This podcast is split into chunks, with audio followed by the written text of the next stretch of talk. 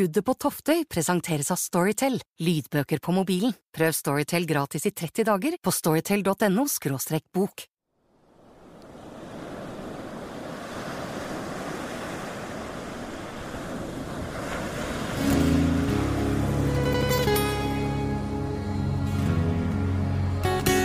Den 2. juli 2013. Fra en bukt på Tjøme er båten Toftøy på vei over Oslofjorden. Om bord er fire personer og en hund. Under dekk ligger narkotika, dynamitt og en avsagd hagle. Det skal bli Toftøys siste tur. Så får vi at det kommer til å bli ja, en virkelig hyggelig tur. Men da tok jeg jo skammelig feil, da, for å si det sånn. Vi skulle jo bare over en liten fjord allikevel. Hørtes ikke så veldig farlig ut akkurat. Da bom!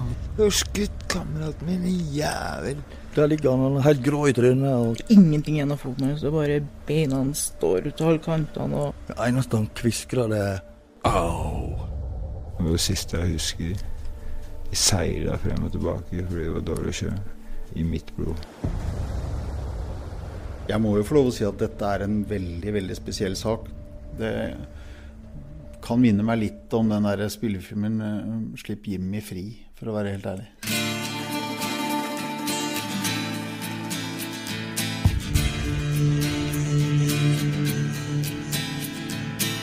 A-magasinet presenterer 'Skuddet på Toftøy'.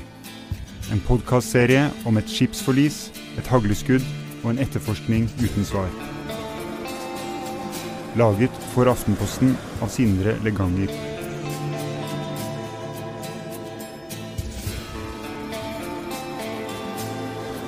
Andre episode.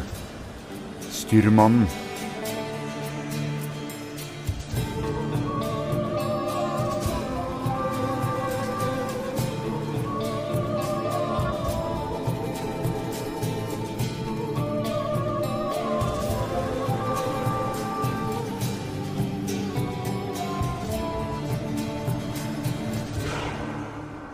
Alle hendelser består av to historier.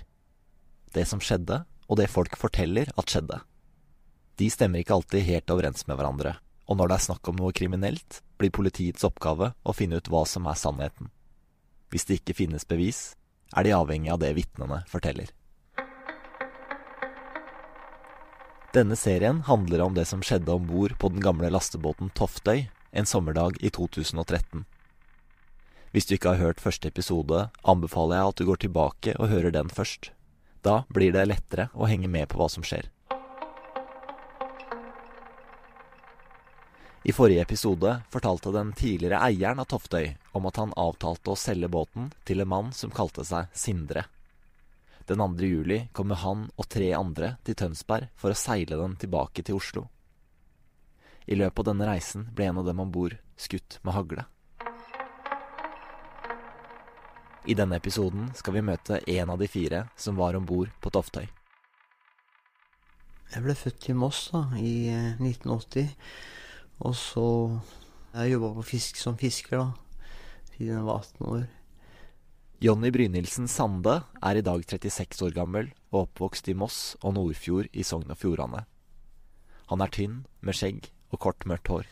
Og det er et knallhardt liv. Det er 116 timers arbeidsuke. Liksom. Det er aldri fri få, liksom. Altså, det blir jo enormt sterkt, da. Mye av det Jonny forteller er vanskelig å kontrollere om stemmer, og noe av det sammenfaller ikke med de andres forklaringer. Det skal vi komme tilbake til, men det er viktig å huske på det underveis. Jonny forteller at fra han var 18 år gammel, jobba han som fisker på Vestlandet. Og du får jo penger, ikke sant. Men den penga dem svidde jeg jo på liksom Ja. Når, kom, altså når båten kom til land, så hadde du ikke tid til at båten var lagt skikkelig inntil engang, for det hoppa liksom Det var bare løp av gårde, liksom. Ja, Hva brukte du penga på? Nei, det, det var bare rus, rus, rus. Og det eneste livet jeg kjenner, egentlig. For at jeg har liksom aldri opplevd å være nykter, ikke sant. Annet enn på en institusjon. Og, og der er du trygg, ikke sant. Det skal litt til før du ruser deg der. Mens eh, når du er ute, så, så er det ikke så lett. Jonny får Subutex og bruker amfetamin daglig. Hva har, du, hva har du tatt i dag? I dag har jeg tatt eh, litt amfetamin og, eh, og litt heroin. Men jeg tok jo veldig liten dose, så jeg blei jo ikke rusa på det. Amfetamin virka kanskje litt mer sånn at jeg litt mer, prater litt mer enn jeg vanligvis hadde gjort. da. Men det passer jo kanskje bra i dag.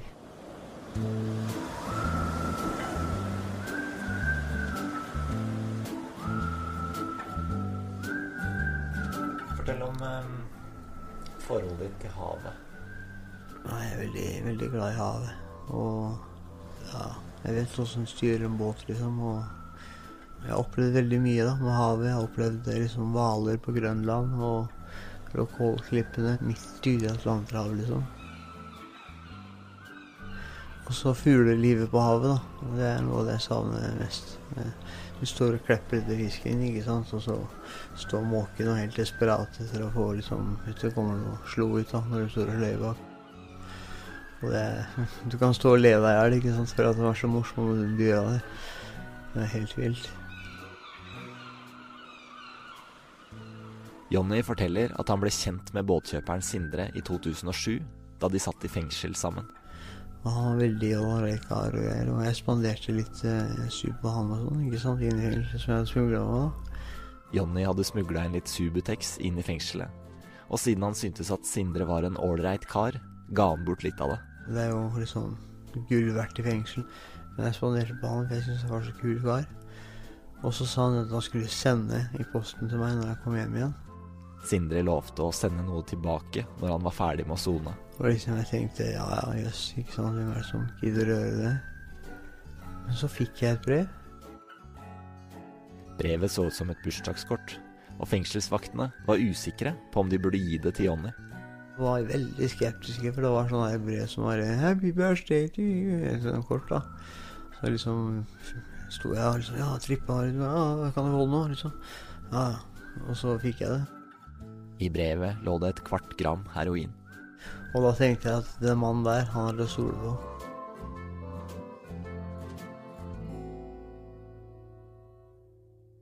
Sindre han fortalte meg om en båt, da. Sommeren 2013 får Jonny høre at Sindre har kjøpt seg en båt. Så han hadde planer om å legge på Aker Brygge og lage restaurant og greier. Og sånn skikkelig pusse opp og greier, da. Ikke sant? Og den skulle få veldig bilder. Båten ligger på Tjøme utafor Tønsberg, og for å hente den trenger Sindre et mannskap av sjøkyndige folk. Jonny meldte seg til tjeneste. Yes, det blir dødskult. Så det er jo fantastisk natur der. Sånn som kjører på Oslofjorden, og så kjører inn til Oslo og legger til kaia der. Ikke sant? Jeg tenkte det ble konge. Så for meg at det kom til å bli ja, en virkelig hyggelig tur. Men da tok jeg jo skammelig feil, da, for å si det sånn.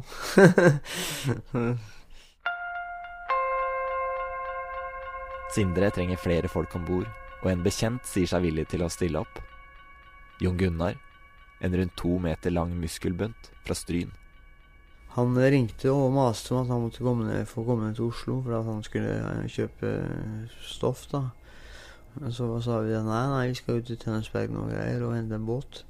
Ja, ja, men jeg kan bli med, jeg kan bli med, jeg.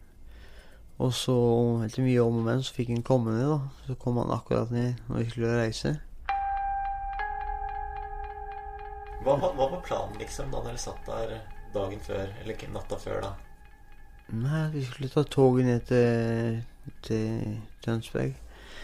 Og så at vi skulle kjøre båten. Jeg skulle kjøre båten, siden jeg kunne navigere, ikke sant.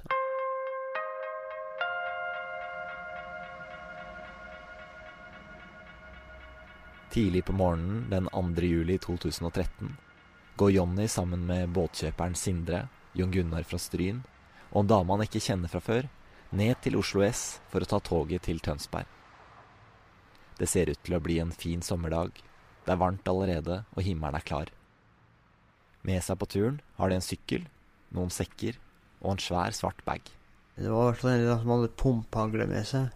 Og det var noen dynamittkubber og noen greier. Og jeg vet ikke Det skulle brukes til noe annet da, som ikke jeg hadde noe med å gjøre.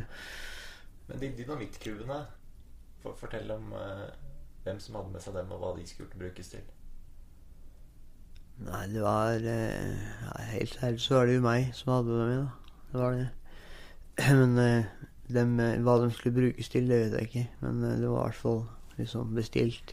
Ifølge Jonny hadde en av de andre om bord bestilt sprengstoffet. På den tida så tenkte jeg som en kriminell, da. Sant? Jeg tenkte eh, Altså, jeg, jeg tenkte som en narkoman drittunge, liksom. Altså Ja, jeg hadde ikke så mye moral. Og jeg hadde ikke så mye imot om han hadde sprengt en butikk i fillebiter og henta ditt og datt. Altså, jeg, hadde, altså, jeg driter vel det, ikke sant? Så lenge jeg slipper å risikere noe straff for det.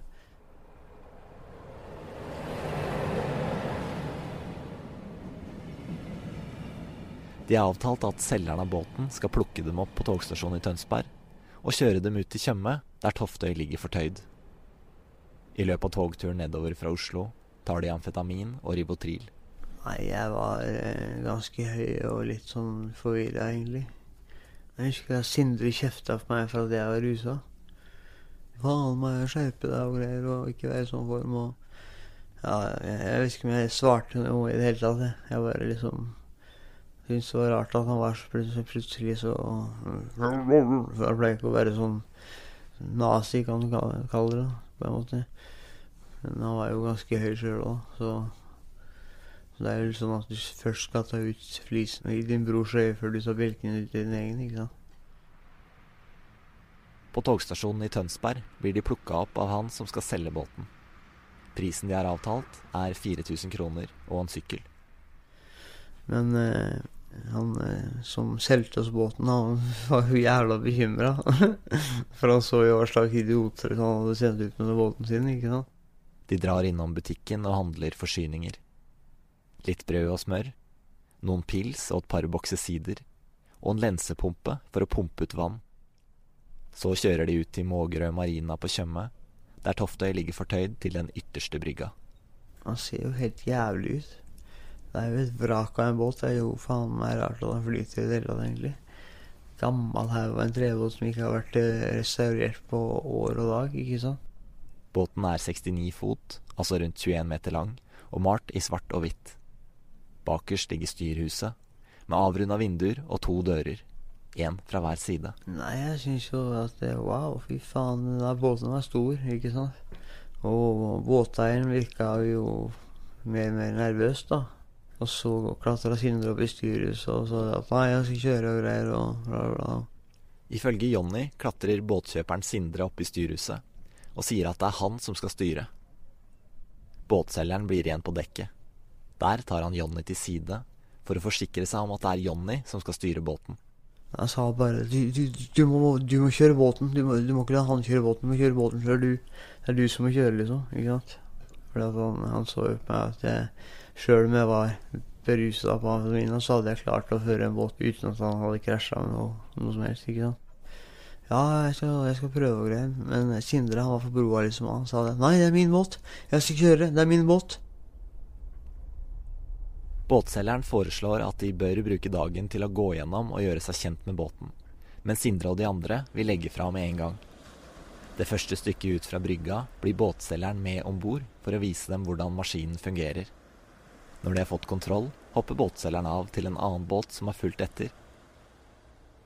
Klokka er 18 minutter over tre idet Toftøy seiler mot utgangen av sundet, der en stake advarer om grunt vann. Så gikk det ikke mer enn fem minutter, så det bang! Det gikk på et skjær, ikke sant? Og da hadde han jo sikta seg rett inn på den jævla bøya. Du skal jo liksom prøve å sikte deg til styrbord, ikke sant? Og ikke midt på, liksom. Så der har han misforstått litt, da.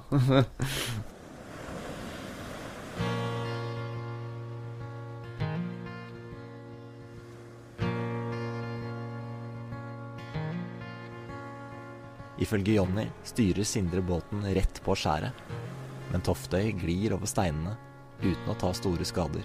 Men allikevel, da, så, så prøvde jeg å ta han vekk, liksom, og tok tak i noen greier. Og nei, kom igjen, liksom, Sindre. Faen, og så se hva som skjer her. Nå holdt vi på å ødelegge hele båten og greier. Det var flaks at det gikk så bra som det gikk. De fire om bord samler seg i styrhuset for å diskutere hvem som skal styre. Jon Gunnar fra Stryn ber Sindre om å følge avtalen om å la Jonny føre båten. Jon Gunnar begynte å blande seg inn at nei, nå faen jeg får lov å kjøre båten her, for at det her var jo faen ikke trygt i det hele tatt, ikke sant. Og så kommer nagla fram, da.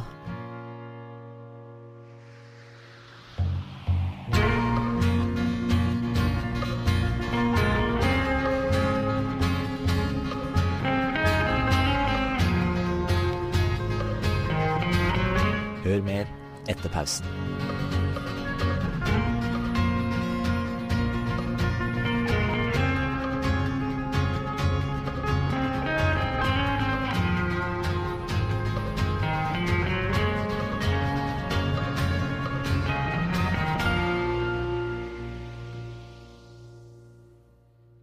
Skuddet på Toftøy presenteres av Storytel, lydbøker på mobilen. Prøv Storytel gratis i 30 dager på storytel.no – bok.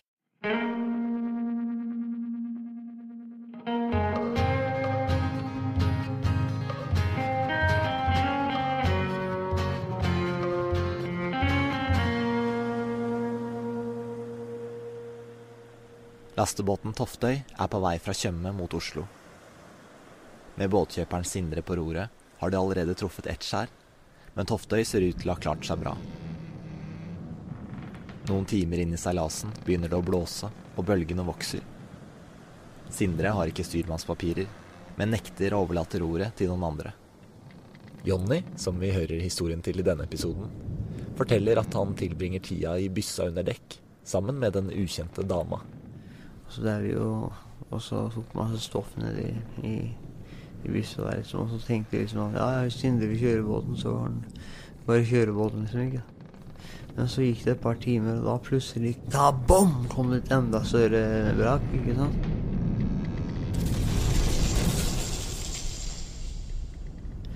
Og vi løper opp. Hva faen er det som skjer? ikke sant? Og da begynte å ryke maskinen, og det begynte å lekke inn vann og sånn. Toftøy har truffet enda et skjær. og så sier Sindre Nei, det går bra, ikke sant? Bare slapp av. Den andre mannlige passasjeren, Jon Gunnar fra Stryn, kommer bort. Og så kommer Jon Gunnar opp og sier sånn Nei, la oss få overta nå. Og da har han Sindre helt svart i øya, han tok pumpehagla, og så, og så sikta på magen til Jon Gunnar. Plutselig drar Sindre frem en hagle fra bukselinningen. Våpenet er svart, og løpet er avsagd, så den er rundt en halv meter lang.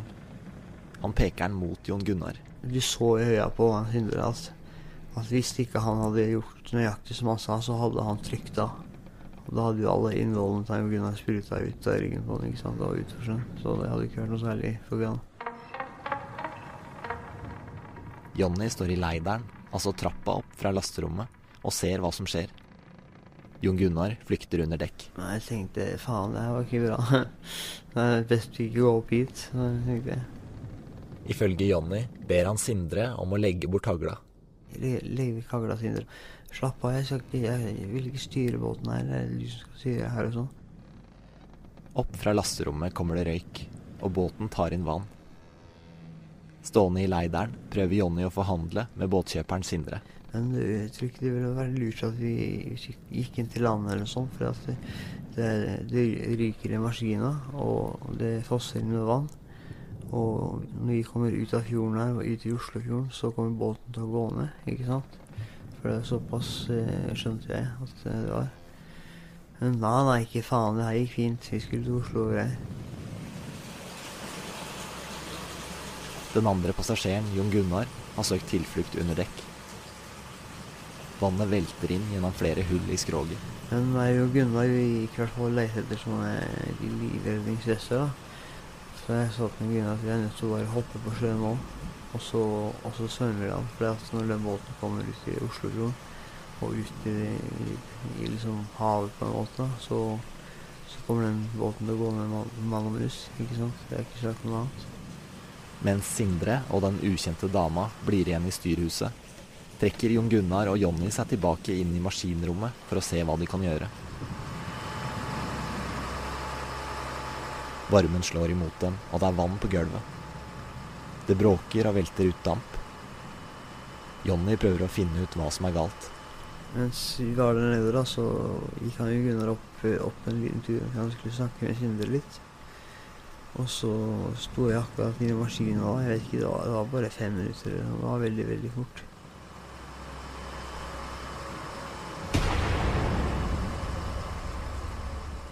Og så kom han, eh, Jon Gunnar ropte ned leideren til meg. «Ja, Sindre har skutt seg!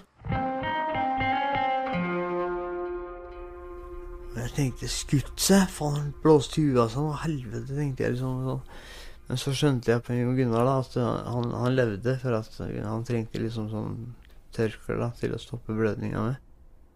Mens Jon Gunnar prøver å finne noe de kan bruke som bandasje, løper Jonny opp på dekk for å se hva som har skjedd.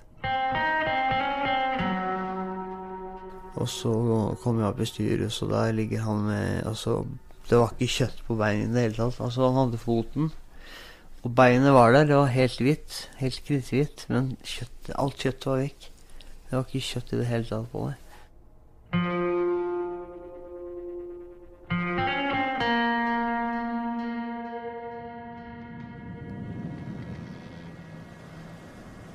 Det er grov sjø, og en dam av blod skylles fram og tilbake over gulvet. Og det var blod overalt.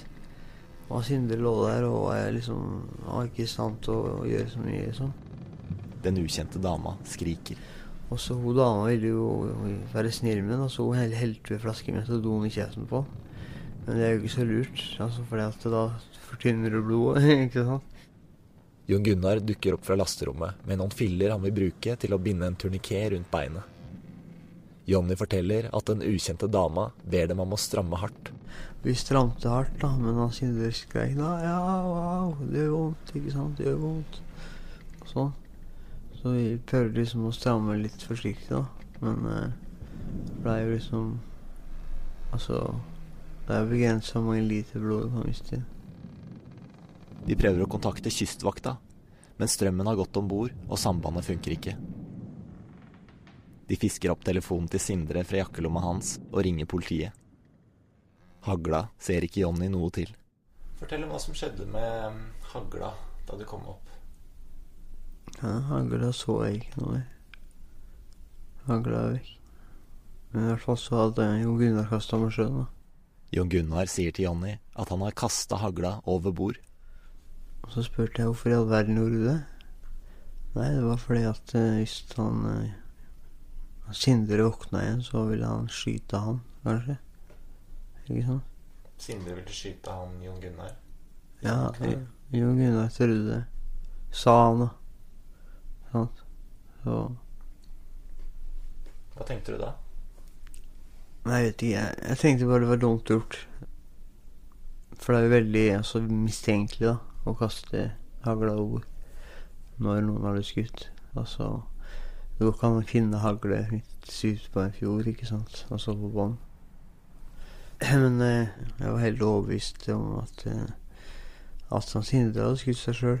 Det, det sa jo Gunnar. Og det trodde jeg heller fullt på.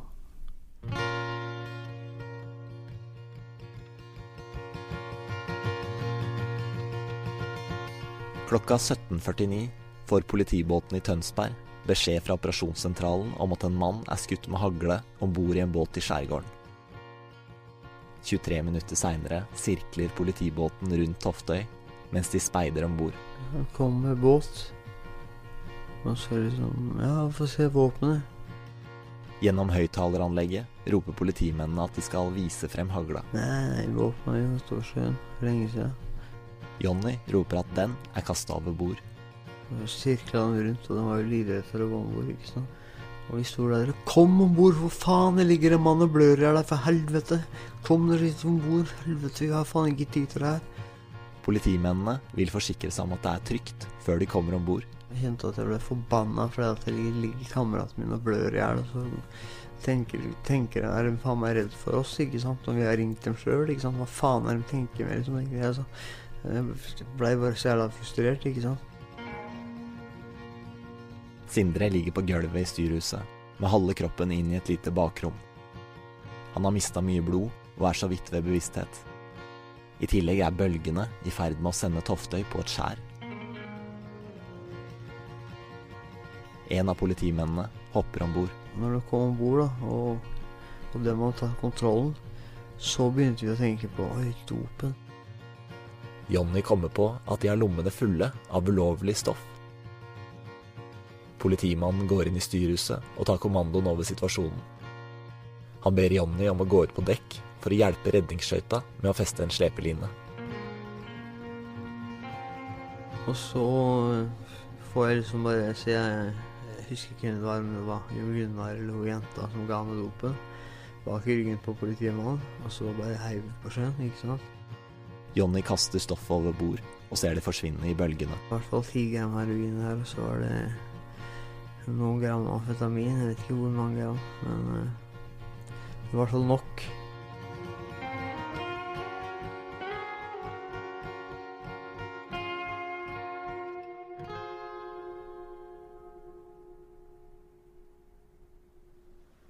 Politiet får etter hvert evakuert Sindre, som blir flydd med helikopter til Ullevål. Redningsskøyta får slept Toftøy inn på trygt vann. Flere politifolk kommer til stedet, bl.a. innsatslederen fra Tønsberg politistasjon. Han ønsker ikke å stille opp i denne serien, så vi bruker rapporten han skrev dagen etter. Klokken 18.55 var vi fire andre om bord i båten, og denne ble umiddelbart gjennomsøkt med tanke på om det befant seg andre mennesker om bord, og annet som kunne være aktuelt. Båten ga generelt et svært dårlig inntrykk. Motoren gikk på tomgang, og det virket som om ingenting av utstyr om bord fungerte. Den var nokså kraftig lekk, og det luktet sterkt av diesel eller lignende i rommet under brua. Det ene av disse rommene var helt nedsotet og ga inntrykk av at det kunne ha vært brann der. I tillegg var temperaturen her svært høy. I gangen ved disse rommene sto det også en stor gassflaske med ukjent innhold, og da politibetjenten meldte at han hadde funnet en bærepose med sprengstoff i byssa i samme område, var min umiddelbare reaksjon at vi burde forlate fartøyet. Dette sprengstoffet hadde han funnet i en sekk som lå der. Sprengstoffet var rosa-lilla av farge og lå i plast merket med Dyno Industrier. Totalbildet av situasjonen, med sjøen som var grov, båtens forfatning og de involverte sin forfatning, som alle fremsto som sterkt ruset, virket det som den beste løsningen å dumpe sprengstoffet over bord, noe jeg da gjorde. Jeg så at dette sank umiddelbart. Ja, det er utgangspunktet en meget alvorlig sak. Det er en som er skutt og alvorlig skadet i benet om bord på en båt. Eh, når jeg får vite om det, så er det jo i og for seg kontroll på situasjonen. Eh, men det er altså fire stykker om bord, eh, hvorav én er skadd. De tre andre blir da siktet og pågrepet. Ole Bjørn Sakrisvold er påtaleleder ved Tønsberg politistasjon. Med en gang politiet har fått kontroll på situasjonen, begynner de å lete etter spor på åstedet. Hagla er jo hivd over bord. Det ble også tatt bilder av noe sekk med noe, noe dynamitt, men pga. grov sjø og at disse fremsto som rusa, så ble faktisk man valgt hvordan skal vi gjøre det. Skal man trekke seg tilbake fra båten av hensyn til egen sikkerhet, eller skal man gjøre noe annet? Og da valgte man faktisk å hive sekken med det over bord. Ja, Hva tenker du om det nå? Nei, jeg tenker i og for seg I den situasjonen som var der og da, så kunne det være én løsning. Det aller beste hadde selvsagt vært å fått dette eh, destruert og sikret. Eh, på den annen side så har jeg forståelse for at når man står om bord i en båt med grov sjø med tre-fire mennesker, hvorav én hardt skadd, at man må ta avgjørelser der og da. Og det man gjorde, var faktisk å fjerne noe som var en potensiell trussel både for de som var om bord, og eventuelt andre hjelpemannskap som kom der. Og den ble jo fjerna. Fortell om hva dere mistenker. Den gang så mistenkte vi faktisk at det var en av de andre på båten som hadde skutt, og da følgelig påført den andre en alvorlig legemskade. Hvorfor mistenker dere det? Det er naturlig når det faktisk er noen som blir skutt i beinet. Så er det i hvert fall sjelden at man skyter seg sjøl i beinet når man fører en båt om bord i en kahytt på vei ut Oslofjorden.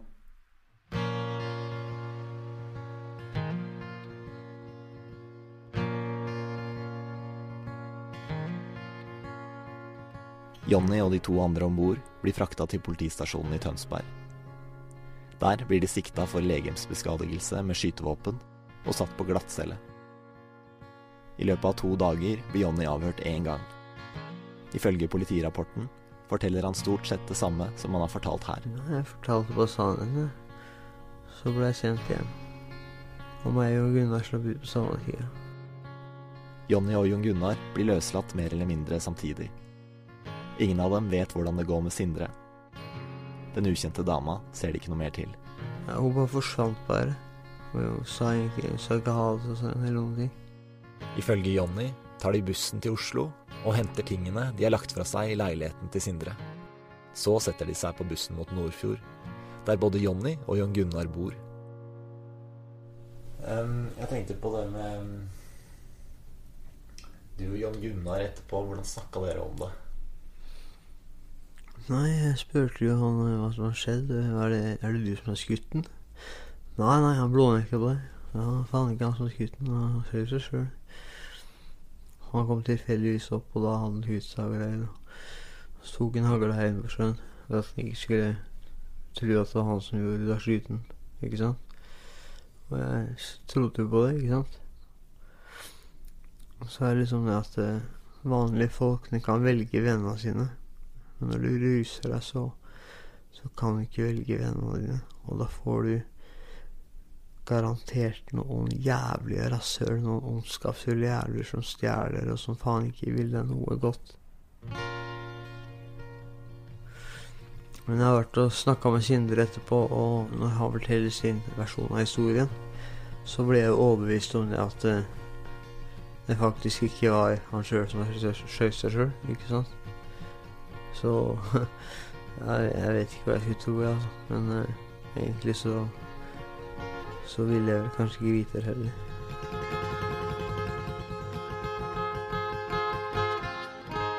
Hvem var det som avfyrte haglskuddet? I neste episode forteller båtkjøperen Sindre sin versjon. Plutselig kjenner jeg bare at han tar tak i hagla.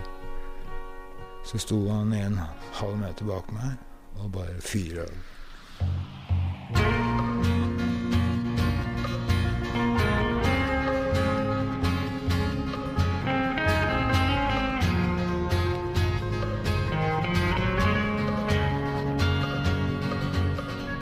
Toftøy er laget for Aftenposten av Sindre Leganger.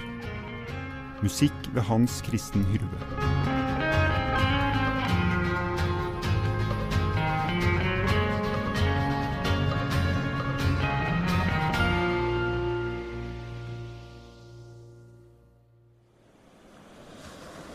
En ny episode av Skuddet på Toftøy kommer neste uke.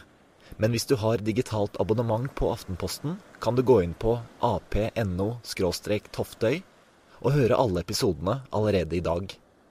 Hvis du liker det du hører, så fortell gjerne vennene dine om det, eller legg igjen en anmeldelse på iTunes. Det betyr mye for oss. Takk skal du ha. Vi høres igjen neste uke.